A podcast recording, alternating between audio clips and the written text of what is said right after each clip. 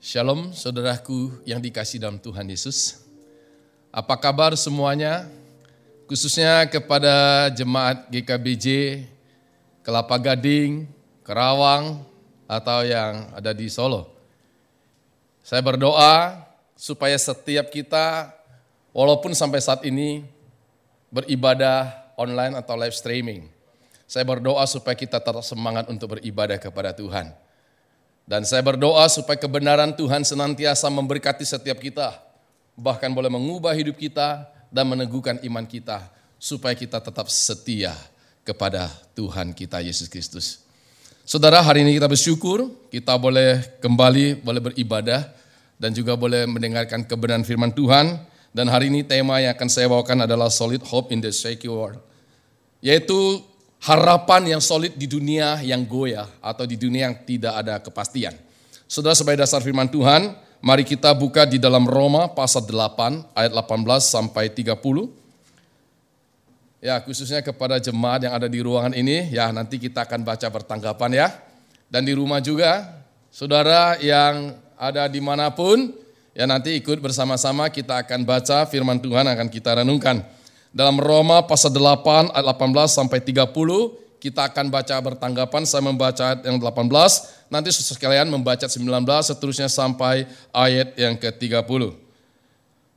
Pengharapan anak-anak Allah. Sebab aku yakin bahwa penderitaan zaman sekarang ini tidak dapat dibandingkan dengan kemuliaan yang akan dinyatakan kepada kita. Silakan 19.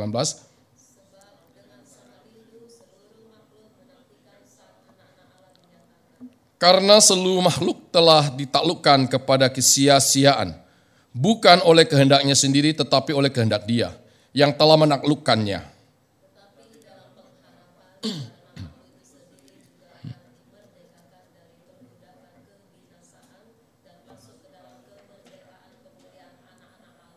Sebab kita tahu bahwa sampai sekarang segala makhluk sama-sama mengeluh dan sama-sama merasa sakit bersalin.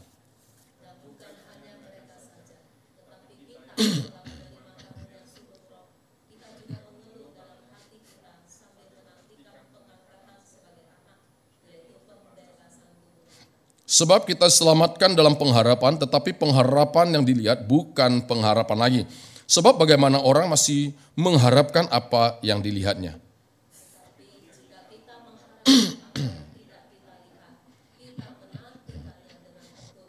Demikian juga roh membantu kita dalam kelemahan kita sebab kita tahu bahwa bagaimana sebenarnya harus berdoa. Tetapi roh sendiri berdoa untuk kita kepada Allah dengan keluhan-keluhan yang tak terucapkan.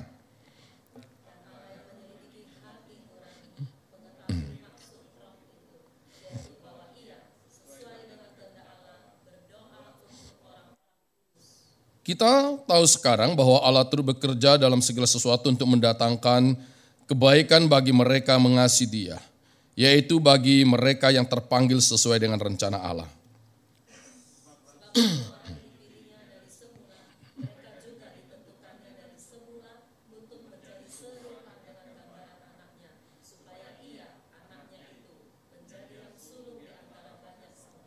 Dan mereka yang ditentukannya dari semula, mereka itu juga dipanggilnya. Dan mereka yang dipanggilnya, mereka juga dibenarkannya. Dan mereka yang dibenarkannya, mereka itu juga dimuliakannya. Mari kita berdoa saudara. Kami telah membaca firman-Mu ya Tuhan. Mohon roh kudus menolong kami supaya kebenaran-Mu ini sungguh kami boleh mengerti dan melakukannya. Karena kami sadar bahwa tanpa pertolongan roh kudus tidak mungkin kami bisa mengerti dengan baik, bahkan tidak mungkin kami bisa melakukannya. Itu sebabnya Tuhan kami sangat membutuhkan Engkau. Roh kudus tolonglah setiap kami. Biarlah kebenaran-Mu hari ini sungguh memerdekakan kami dan meneguhkan iman kami. Dan berkati setiap umat-Mu di mana pun mereka berada saat ini sedang mengikuti online atau live streaming. Hamba berdoa kiranya Tuhan berkati mereka. Terima kasih, inilah doa hambamu demi nama Yesus kami bersyukur dan berdoa. Amin.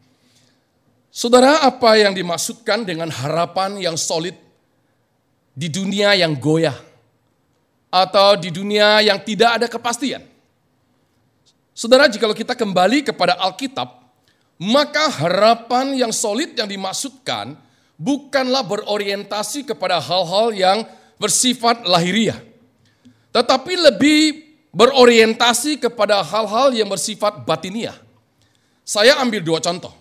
Contoh yang pertama di dalam Mazmur 23 dan 4. Di sana dikatakan apa? Sekalipun aku berjalan dalam lembah kekelaman, aku tidak takut bahaya.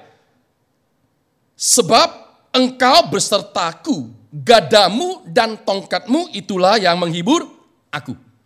Contoh yang kedua di dalam Habakuk 3 ayat 17 dan 18. Di sana dikatakan demikian, sekalipun pohon ara tidak berbunga, Pohon anggur tidak berbuah. Hasil pohon zaitun mengecewakan. Sekalipun ladang-ladang tidak menghasilkan bahan makanan. Kambing domba terhalau dari kurungan. Dan tidak ada lembu sapi dalam kandang. Namun aku akan bersorak-sorai di dalam Tuhan. Beria-ria di dalam Allah yang menyelamatkan aku. Sederhananya begini saudara sekalipun sakitku belum kunjung sembuh. Sekalipun pekerjaanku barangkali sudah terhenti lima bulan karena pandemi COVID-19. Atau mungkin sekalipun keuanganku sudah mulai terkuras habis. Karena minimnya bahkan nyaris tidak ada pemasukan selama pandemi COVID ini. Bahkan mungkin masih banyak hal yang kita alami yang tidak sesuai dengan harapan kita. Namun saudara ini, namun kita bisa tetap berkata, aku akan tetap bersyukur kepada Tuhan. Aku tetap percaya, aku tetap berharap kepada Yesus yang telah menyelamatkan aku. Saudara inilah pemahaman harapan yang solid di tengah dunia yang tidak ada kepastian. Saudara, jika kita kembali kepada pembahasan kita, saudara. Maka kita akan melihat bagaimana kehidupan Rasul Paulus. Ketika ia berada dalam satu situasi yang tidak sesuai dengan harapannya, saudara. Ia mengalami penderitaan. Sakitnya yang tidak kunjung sembuh. Ia pernah difitnah. Bahkan ia pernah dipenjarakan. Bahkan ia mau dibunuh. Namun Paulus tetap percaya. Paulus tetap bersyukur. Paulus tetap berharap.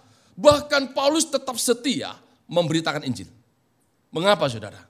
Sebab di dalam 2 Timotius 1 ayat 12 mengatakan, Sebab aku tahu kepada siapa aku percaya. Saudara karena itu dalam Roma 8 ayat 18 sampai 30 ini. Rasul Paulus rindu supaya setiap jemaat, termasuk setiap kita hari ini saudara, dapat sungguh-sungguh memiliki harapan yang solid di dunia yang goyah. Atau di dunia yang tidak ada kepastian. Pertanyaannya adalah bagaimana kita dapat memiliki harapan yang solid di tengah dunia yang tidak ada kepastian ini. Kalau kita kembali kepada firman Tuhan, Khususnya dalam Roma 8 18 sampai 30. Di sana Rasul Paulus ajarkan sedikitnya ada dua prinsip. Bagaimana di tengah-tengah dunia yang tidak ada kepastian ini kita bisa memiliki harapan yang solid. Prinsip yang pertama saudara ada di ayat 25, 24 dan 25. Mari coba kita lihat. Kita lihat kembali saudara di ayat 24 dan 25. Di sana dikatakan demikian. Sebab kita diselamatkan dalam pengharapan. Tetapi pengharapan yang dilihat bukan pengharapan lagi. Sebab bagaimana orang masih mengharapkan apa yang dilihatnya. Tetapi jika kita mengharapkan apa yang, yang tidak kita lihat, kita menantikannya dengan takut. Saudara dari ayat ini kita belajar prinsip yang pertama bagaimana kita dapat memiliki harapan yang solid di tengah dunia yang tidak ada kepastian. Yaitu saudara kita percaya bahwa pengharapan keselamatan dari Allah di dalam Yesus Kristus adalah pasti. Bukan mudah-mudahan. Jadi ini prinsip pertama yang kita pahami dengan baik. Supaya kita bisa memiliki harapan yang solid di tengah dunia yang tidak ada kepastian. Saudaraku kasih Tuhan, kalau kita perhatikan di dalam Roma 8 ini, khususnya di ayat 19 sampai 22. Ada satu kata yang sangat menarik yang perlu kita perhatikan, yaitu kata makhluk. Saudara, empat kali Paulus katakan atau memakai kata makhluk. Empat kali, saudara. Apa maksud tujuan Rasul Paulus memakai kata makhluk? Dalam bahasa Yunani, kata makhluk di sini adalah kitisis. Yang artinya apa? Ciptaan, dunia, lembaga atau kekuasaan.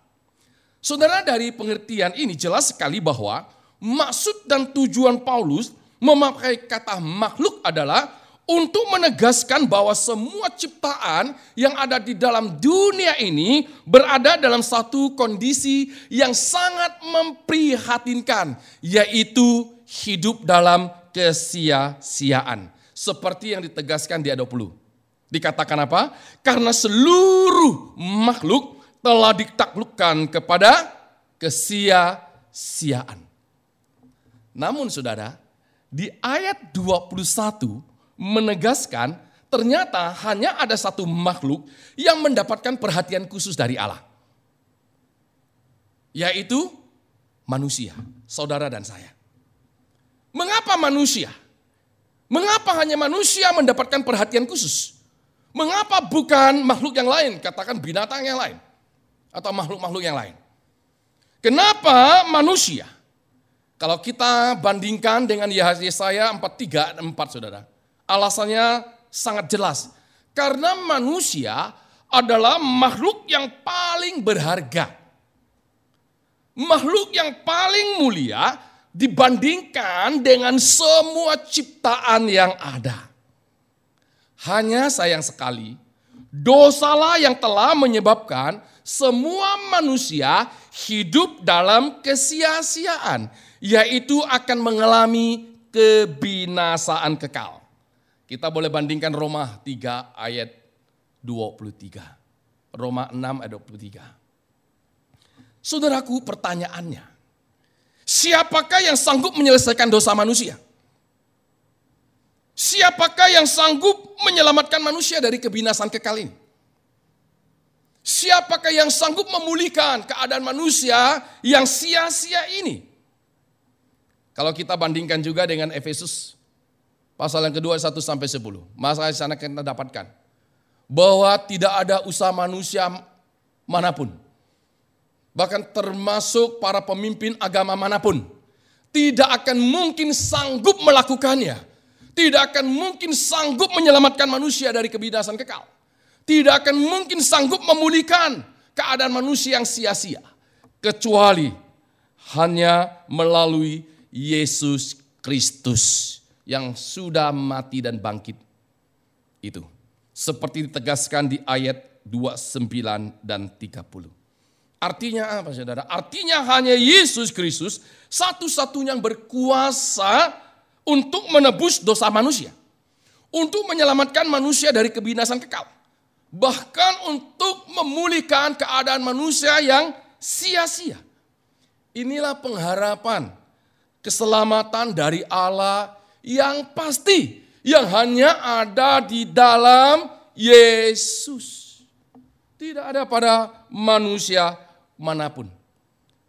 Pengharapan ini juga ditegakkan Paulus sendiri saudara di dalam Roma. Untuk lebih jelasnya saudara kita baca di dalam Roma 5 ayat 9, ayat 9 sampai 10. Coba kita buka saudara kita lihat untuk menegaskan lagi dan lebih jelas dikatakan Paulus begini. Lebih-lebih karena kita sekarang telah dibenarkan oleh darahnya. Kita pasti akan diselamatkan dari murka Allah. Ayat 10 ya dalam Roma 5. Sebab jikalau kita ketika masih seturu diperdamaikan dengan Allah oleh kematian anaknya.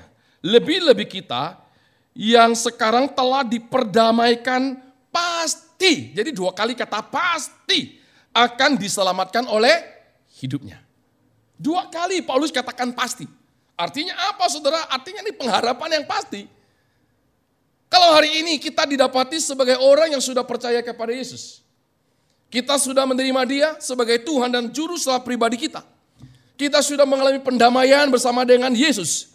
Artinya dosa kita sudah diampuni. Dan kita secara pribadi sudah mengaku dan menerima dia sebagai Tuhan dan Juru Selamat pribadi dia. Maka sesuai dengan janjinya, kita pasti akan diselamatkan dari murka Allah. alias kita tidak akan mengalami kebinasan kekal, melainkan beroleh hidup yang kekal. Bahkan hidup kesia-siaan kita diubahkan menjadi tidak sia-sia. Saudara, inilah pengharapan yang pasti dari Allah di dalam Yesus Kristus. Saudara, jadi pengharapan yang pasti, pasti tidak mengecewakan. Setuju saudara? Kalau suatu pengharapan yang pasti, itu pasti tidak mengecewakan. Kecuali mudah, mudahan. Saya ambil satu penggambaran. Misalkan saudara, suatu saat kita, ya suatu kali ya kita mau melamar pekerjaan nih. Ya kita katakan melamar pekerjaan A, pekerja, uh, perusahaan A, itu perusahaan yang besar. Lalu kita dipanggil dan kita diinterview. Setelah waktu kita diinterview oleh bos, semua pertanyaan sudah kita jawab dengan baik. Dan banyak hal yang sudah dibahas. Tetapi selesai interview ada satu yang belum dibahas. Yang belum dibicarakan, yaitu soal gaji. Lalu kita yang melamar pekerjaan, kita boleh nggak tanya kepada bos, bos boleh nggak saya tahu kira-kira gaji saya itu satu bulan itu berapa? Boleh tanya nggak? Pak boleh nggak pak? Ah, boleh ya. Kalau pendeta, kalau boksu tanya boleh. Ah beda cerita lah ya. Oke, boleh saudara. Lalu kita tanya, Pak, maaf gaji saya berapa satu bulan? Lalu bos jawab begini, e, mudah-mudahan satu bulan saya kasih 100 juta. Mudah-mudahan loh. Bapak kerja nggak Pak? Yang di depan pas kita ini ya. Pak kerja nggak Pak? Kerja ya? Kerja Pak? Oke, saya juga kerja nanti. Ya, jadi kita kerja. Oke, kita masuk kerja. Ternyata bosnya, bos ini temperamen. Salah sedikit dimarahin, dimaki, ditegur, dimacam-macamin ya kan, omongannya kasar. Saudara setelah kita kerja satu bulan, kita selalu hitung, wah berapa kali kita sudah dimaki, kita sudah dimarahin bos. Hitung-hitung ternyata 100 kali. 100 kali, ya kan? Kita hitung sudah dimarahin bos. Lalu kita terima gaji. Tahu-tahu waktu kita terima gaji, kita dikasih 5 juta. Kecewa nggak? Kecewa nggak Pak? Kecewa. 5 juta tapi sudah dimaki 100 kali. Udah dimarahin 100 kali. Pertanyaan saya, bulan depan kerja nggak Pak? Masuk kerja lagi Pak? Enggak, saya juga nggak mau. Saya kerja walaupun mudah-mudahan, saya berharap mudah-mudahan walaupun nggak pasti, minimal 50 juta kayak gitu loh. Tapi ini dikasih katakan 5 juta. Perbandingan sangat jauh. Padahal janjinya 100 juta, cuma dikasih 5 juta. Ya minggu depan kita tidak akan mau. Tapi saudara saya ubah dikit. Ketika kita bertanya kepada bos, berapa gaji saya? Wow, bos dengan tegas dan lantang mengatakan begini kepada kita. Saya pasti kasih kamu 100 juta satu bulan. Kerja ya Pak? Pastilah kita semua kerja lah ya. Ya kan? Betul jemaatku kasih Tuhan? Ayo yang ada di Kerawang, di Solo. Hai, di Kelapa Gading. Kerja semua, kerja. Saudara, kita kerja. Selama satu bulan kita kerja, kita hitung ternyata kita dimaki 300 kali. Waduh kita hitung berarti satu hari itu 10 kali minimal kita dimarahin oleh bos. Genap satu bulan kita kerja, kita hitung sudah 300 kali dimarahin, dimaki. Lalu kita terima gaji. Bos sudah janji saya pasti kasih 100 juta. Lalu kita terima 100 juta. Pertanyaan saya, bulan depan kerja nggak? Kenapa Pak? Hah? Karena ada 100 jutanya. Karena pasti. Saudaraku, karena yang difokus ada 100 juta. Walaupun di dalam penerapan, dalam kerja, dimarahin, dimaki, susah, nggak apa-apa. Yang penting ada CPTO-nya, saudara. Ini satu penggambaran yang materi aja kita begitu, apalagi sesuatu yang kekal. Saudara itu sebabnya berapa banyak orang-orang yang mengaku Kristen Khususnya pandemi COVID-19 ini saudara. Saya pribadi temukan berapa banyak yang kecewa dengan Tuhan. Meninggalkan Tuhan. Komplain dengan Tuhan. Kenapa bisa begini, kenapa bisa begitu. Seakan-akan Tuhan itu jahat. Saudaraku kasih Tuhan, ini bisa terjadi karena dia tidak memiliki pemahaman yang benar. Saudara, kalau kita hari ini sadar bahwa kita sudah percaya kepada Yesus, bahwa pengharapan, janji pengharapan Yesus ini pasti, maka saya percaya tidak sesuatu masalah hidup kita yang sanggup mengkandaskan iman kita, yang sanggup menggoncangkan iman kita, bahkan yang sanggup melunturkan iman kita, tidak akan mungkin, saudara. Kenapa? Karena kita fokus kepada janji pengharapan yang pasti itu loh. Di tengah-tengah kita menjalani iman kita ada kesusahan, ada pergumulan, ada hal yang tidak sesuai harapan. Itu semua tidak akan pernah menggoncangkan iman kita. Kenapa? Karena kita fokus ada harta yang kekal. Kehidupan yang kekal yang telah Tuhan janjikan kepada kita. Saudaraku kasih Tuhan. Karena itu hari ini saya berdoa supaya kita semua mengerti dengan baik akan kebenaran ini. Kalau hari ini kita sungguh-sungguh percaya kepada Yesus, maka saya percaya saudara, sekalipun kita sekarang ini dalam satu dunia yang tidak ada kepastian, bahkan kita tidak tahu sampai kapan pandemi COVID-19 ini akan berakhir. Kalau kita menyadari akan kebenaran hari ini, saya percaya kita akan tetap berkata kepada Tuhan, apa pun, sekalipun saya berada dalam kondisi seperti ini, aku tetap bersyukur kepadamu Tuhan. Aku tetap percaya, aku tetap berharap, aku tetap bergantung sepenuhnya kepada Engkau. Karena Engkaulah sumber pengharapanku. Saudara ini harus kita miliki. Itulah yang Paulus lakukan. Itulah yang ada pada Paulus. Sehingga dia harus tahan sampai akhir hidupnya. Saudara inilah prinsip yang pertama. Bagaimana kita dapat memiliki harapan yang solid di tengah gejolak dunia yang tidak ada kepastian. Lalu yang kedua, kita lihat di ayat 28. Prinsip yang kedua. Di ayat 28, saya akan bacakan. Kita tahu sekarang bahwa Allah turut bekerja dalam segala sesuatu untuk mendatangkan kebaikan bagi mereka mengasihi dia. Yaitu bagi mereka yang terpanggil sesuai dengan rencana Allah. Saudara dari ayat ini, kita belajar prinsip yang kedua yaitu pada saat kita percaya Yesus, itu tidak berarti bahwa kita akan bebas dari persoalan hidup. Namun yang pasti, Tuhan akan memberi yang terbaik dalam hidup kita lewat keadaan yang tidak sesuai harapan kita. Itu yang kita pegang. Ini adalah janji Tuhan. Saudara dalam Roma 8 dan 28 itu boleh katakan ayat yang paling sering kita hafal yang sering kali kita baca dan kita dengar. Tetapi betapa minimnya pemahaman terhadap ayat ini. Saudaraku kasih Tuhan karena itu kita harus pahami bahwa di satu sisi kita sudah percaya Yesus. Kita sudah pasti mendapatkan keselamatan. Yang walaupun belum kita lihat, itulah pengharapan menurut Paulus. Namun di sisi lain saudara, ada kalanya Tuhan izinkan banyak hal. Yang bertolak belakang dengan hati kita. Tapi ingat saudara, itu semua Tuhan punya rencana yang indah. Artinya saudara kalau kita kembali, kita bandingkan dengan Roma 5 ayat 3 sampai 5 bagian A. Di sana dikatakan kesengsaraan itu menimbulkan ketekunan. Ketekunan menimbulkan tahan uji. Tahan uji menimbulkan pengharapan. Pengharapan itu tidak mengecewakan. Ini adalah berbicara tentang proses Tuhan. Jadi artinya waktu kita percaya Yesus, kita tidak tahu kita hidup di dunia ini berapa lama. Tapi satu hal yang harus kita pastikan, selama kita hidup di dunia ini, Tuhan masih memberikan kesempatan kepada kita hidup dalam dunia ini, berjalan bersama dengan Dia, maka kita sadar bahwa Tuhan terus-menerus memproses kita. Yang pasti mendatangkan kebaikan lewat proses itu. Walaupun kita kadang tidak mengerti jalan Tuhan, kita tidak tahu apa maksudnya. Mungkin saat ini kita tidak mengerti apa maksud, apa tujuan Tuhan. Dengan menghadirkan pandemi COVID-19 ini saudara.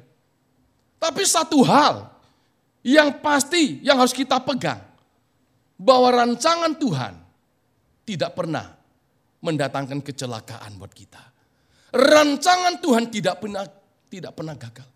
Itulah yang pernah ditegaskan oleh Nabi Yeremia dalam Yeremia 29 ayat 11. Bahkan Habakuk dalam Habakuk 42 ayat 2.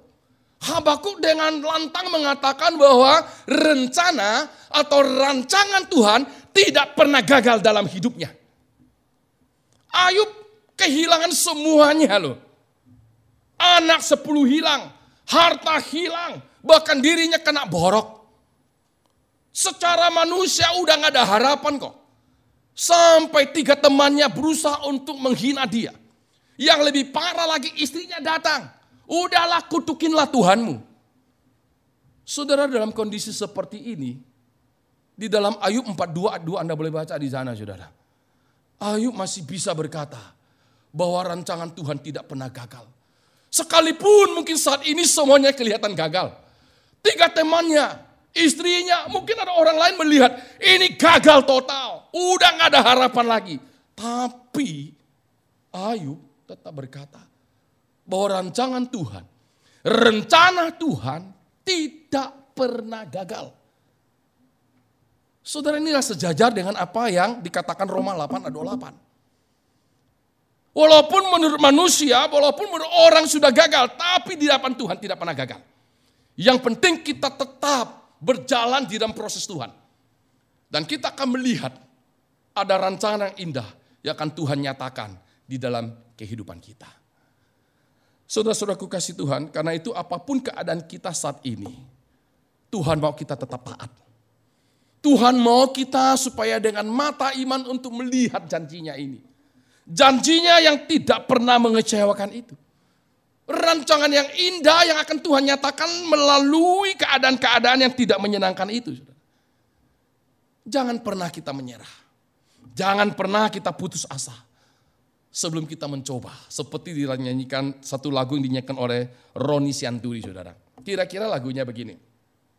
Ku tak akan menyerah pada apa pun juga sebelum ku coba semua yang ku bisa tetapi ku berserah kepada kehendakmu. Hatiku percaya Tuhan punya rencana. Tentunya rencana yang indah. Saudara sekitar tanggal 30 April tahun 1820. Di New York City saudara terjadi satu peristiwa yang sangat menyedihkan. Di dalam sebuah keluarga, waktu itu saudara, kedua orang tua membawa anaknya yang masih bayi, ya itu berumur enam minggu. Karena sang bayinya ini terkena flu dan demam, bahkan matanya mengalami peradangan. Hanya kedua orang tuanya membawa dia ke rumah sakit. Lalu dokter menangani sang bayi ini. Saudara, apa yang terjadi? Ternyata uh, terjadi malpraktek, saudara. Artinya dokter salah menangani sang bayi ini dan menyebabkan sang bayi ini harus mengalami kebutaan seumur hidup. Bukan sembuh, kebutaan seumur hidup. Saudara bisa kita bayangkan, seandainya kita sebagai orang tua, anak kita yang pertama ini saudara, mengalami kebutaan, umurnya baru enam minggu, mengalami kebutaan seumur hidup. Kira-kira bagaimana perasaan kita? Apa yang mengharapkan kedua orang tua sirna semua. Namun saudara, di dalam proses pertumbuhan sang bayi ini, ternyata sang neneknya ini sangat berperan bagi pertumbuhan sang cucunya saudara. Di mana sang neneknya ini terus membimbing sang cucunya ini khususnya dalam hal iman. Sang neneknya setiap hari taburkan benih firman Tuhan. Membacakan ayat-ayat firman Tuhan kepada sang bayi ini. Dan sang bayi ini bertumbuh dari hari ke hari, minggu ke minggu, bulan ke bulan, tuh tahun ke tahun, sampai pada satu titik. Sang bayi ini yang sudah mengalami kebutaan seumur hidup, dia mengenal siapakah Allah yang dia imani. Dan akhirnya sang bayi ini dapat hidup dalam pengharapan di dalam Yesus yang telah mengasihi dan menyelamatkan dia sekalipun dalam kondisi yang buta. Saudara itu sebabnya dikatakan dalam riwayat hidupnya. Setiap kali dia melakukan segala sesuatu, dia selalu berdoa kepada Tuhan. Hanya satu hal. Tuhan berikanlah aku kekuatan untuk melakukan hal ini. Karena dia nggak kuat. Dia bisa punya iman seperti ini karena didikan bimbingan dari sang neneknya. Bahkan yang luar biasa lagi, dia pernah mengatakan dia tidak pernah membenci atau sakit hati dengan dokter yang menanganinya atau menyebabkan dia buta ketika dia tahu. Saudaraku kasih Tuhan, sang anak ini dalam keadaan buta, dia tidak mengeluh. Dia tidak menyerah. Dia tidak putus asa. Dia tidak kecewa. Bahkan dia tidak menyalahkan siapa pun. Dia tidak menyalahkan kedua orang tuanya kenapa bawa saya ke sana. Dia tidak menyalahkan Tuhan kenapa Tuhan saya harus begitu. Tidak. Karena dia punya pemahaman yang benar. Bahwa dia tahu walaupun dia buta seumur hidup. Dia tahu rencana Tuhan pasti ada dalam hidupnya. Karena itu didikan dari sang neneknya. Saudaraku kasih Tuhan, namun ternyata betul Tuhan Yesus punya rencana yang sangat indah terhadap hidup anak ini. Dan akhirnya Tuhan mempromosikan dan memakai dia dengan luar biasa. Mengarang lagu saudara yang sangat terkenal dan telah memberi pengaruh kepada dunia kekristenan. Menjadi berkat yang sangat besar. Sang anak itu adalah Fanny Crosby saudara. Di sepanjang hidupnya ia telah menuliskan lebih daripada 8.000 lagu rohani yang sangat memberkati setiap orang yang mendengarkannya.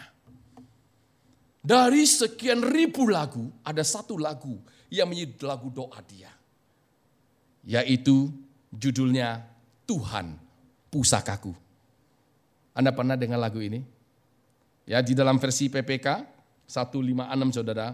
Lagunya Kira-kira seperti ini. Tuhan engkau pusakaku yang berharga bagiku. Kuatkan hamba selalu berjalan di sisimu. Berdekat padamu berdekat padamu. Kuatkan hamba selalu berjalan di sisimu. Setelah inilah doa Fanny Crosby. Dia tidak minta Tuhan, celiklah mataku, tidak. Dia hanya berdoa, Tuhan kuatkan aku. Saudara sekarang ini apa pun keadaan kita. Ketika kita berdoa, apakah isi doa kita? Apakah kita berdoa, Tuhan cepat-cepat cabutlah masalahku ini. Hilangkanlah beban saya ini. Saudara jangan. Kalau Tuhan izinkan kita mengalami banyak hal yang tidak sesuai harapan. Mari kita berdoa seperti doa dari Fanny Crosby ini. Kita ubah cara doa kita. Kita nggak usah minta Tuhan hilangkan. Kita tidak usah minta Tuhan cabut semua prosesnya, jangan. Karena kita semakin diproses, kita akan semakin murni dan kita akan tahan uji. Tapi kita berdoa, Tuhan kuatkan aku. Roh Kudus kuatkan aku. Itu dikatakan Paulus dalam ayat 26 dan 27. Yaitu roh, yaitu roh kudus. Yang membantu kita berdoa. Dengan keluhan-keluhan yang tak terucapkan, saudara. Artinya apa? Artinya di saat kita mungkin mau berdoa sampai menangis, udah gak bisa ngomong apa lagi. Kita hanya bisa berdoa, Tuhan kuatkan aku. Saya sudah tidak berdaya lagi. Di sinilah kita membutuhkan kekuatan Tuhan di dalam kita menghadapi dan menjalani hidup ini, saudara. Apalagi di tengah pandemi COVID-19 ini, saudara. Saya tidak tahu seberapa besar pengaruh dalam hidupmu. Terpekerjaan kamu, keuanganmu, keluargamu, dan sebagainya. Bahkan imanmu. Biarlah saya berdoa hari ini. Melalui firman Tuhan ini boleh meneguhkan dan membangkitkan iman kita. Untuk terus melihat seperti Ayub katakan itu, yang saya katakan bahwa rancangan Tuhan, rencana Tuhan tidak pernah gagal. Hilang semua, akhirnya Tuhan kembalikan semua. Sudah percayakah akan janji Tuhan ini? Mungkin uangmu sudah terkurar habis, mungkin pekerjaan pemasukan sudah nggak ada. Jangan pernah sekali-kali kita kecewa dan meninggalkan Tuhan. Dan meragukan Tuhan. Mari kita bangkit iman kita. Tetap miliki harapan yang solid itu di tengah-tengah gejolak dunia yang tidak pasti ini. Supaya kita tetap bisa bertahan. Dan kita tetap bisa berkata, sekalipun aku dalam kondisi begini, aku tetap bersyukur kepadamu Tuhan. Aku tetap berharap padamu. Aku tetap percaya kepadamu ya Tuhan. Karena engkaulah sumber kekuatanku. Dan aku percaya rancanganmu tidak pernah gagal dalam hidupku. Dan aku percaya engkau tidak pernah meninggalkan aku. Sedetik pun. Mari saudara, sungguh-sungguh datang kepada Tuhan. Berdekatlah kepada Tuhan. Seperti lagu ini. Boleh saudara saya aja untuk saudara nyanyi? Ya, bait yang pertama saja saudara. Tuhan engkau pusakaku yang berharga bagiku. Kuatkan hamba selalu berjalan di sisimu. Berdekat, berdekat padamu. Berdekat padamu. Kuatkan hamba selalu berjalan di sisi berdekat berdekat padamu. Berdekat padamu. Kuatkan hamba selalu berjalan. Di sisi sekali lagi yang sungguh katakan kita nyanyikan pujian ini. Berdekat padamu berdekat padamu. Kuatkan hamba selalu berjalan di sisimu. Sekali lagi. Berdekat padamu. Berdekat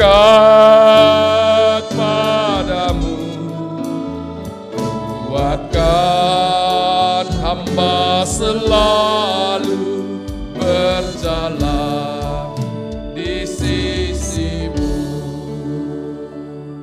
berdekatlah kepada Tuhan datanglah kepada dia datanglah pada Yesus, maka dia akan memberikan kelegaan kepadamu. Bahkan dia akan memberikan yang terbaik buatmu. Ingat saudara, dia tidak pernah mencelakakan kita. Percayakah saudara akan janji Tuhan ini? Mari kita datang pada Tuhan kita berdoa. Ya Tuhan, hamba berdoa untuk setiap jemaatmu jemaat GKBC, baik di Kelapa Gading, Kerawang maupun di Solo. Secara khusus hamba berdoa untuk mereka. Mungkin saat ini mereka ada yang sedang berkumul. Mereka sudah tidak kuat lagi menghadapi keadaan saat ini.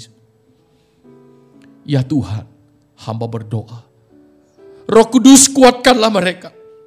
Teguhkanlah hati dan iman mereka. Bahwa rancangan Tuhan tidak pernah gagal. Rancangan Tuhan bukanlah rancangan kecelakaan. Dan Tuhan tidak pernah meninggalkan mereka. Hamba berdoa kiranya roh kudus yang boleh menolong mereka menguatkan umatmu Tuhan. Supaya di tengah-tengah pergumulan, di tengah-tengah dunia gejolak, eh, di dunia tidak ada kepastian ini. Mereka tetap percaya kepada Engkau. Dan dengan iman mereka boleh berkata, Tuhan aku bersyukur. Aku tetap berharap, aku tetap percaya kepadamu. Biarlah kata-kata iman yang ada dalam hati mereka di saat ini ya Tuhan. Supaya pada akhirnya kami akan melihat di balik pandemi COVID-19 ini. Di balik situasi yang tidak sesuai harapan, kami akan melihat sesuatu yang indah. Ya akan Tuhan nyatakan bagi setiap kami yang percaya. Bagi setiap kami yang mengasihi. Bagi setiap kami yang mau masuk dalam proses. Terima kasih Tuhan untuk kebenaranmu ini. Hamba percaya roh kudus kau materaikan firmanmu ini dalam hati kami. Supaya kami tetap bertahan. Dan memiliki harapan yang solid di tengah gejolak dunia yang tidak ada kepastian. Terima kasih Tuhan, inilah doa hambamu, berkatilah setiap umatmu, demi nama Tuhan Yesus kami bersyukur dan berdoa. Amin. Oke Tuhan Yesus berkati kita semua.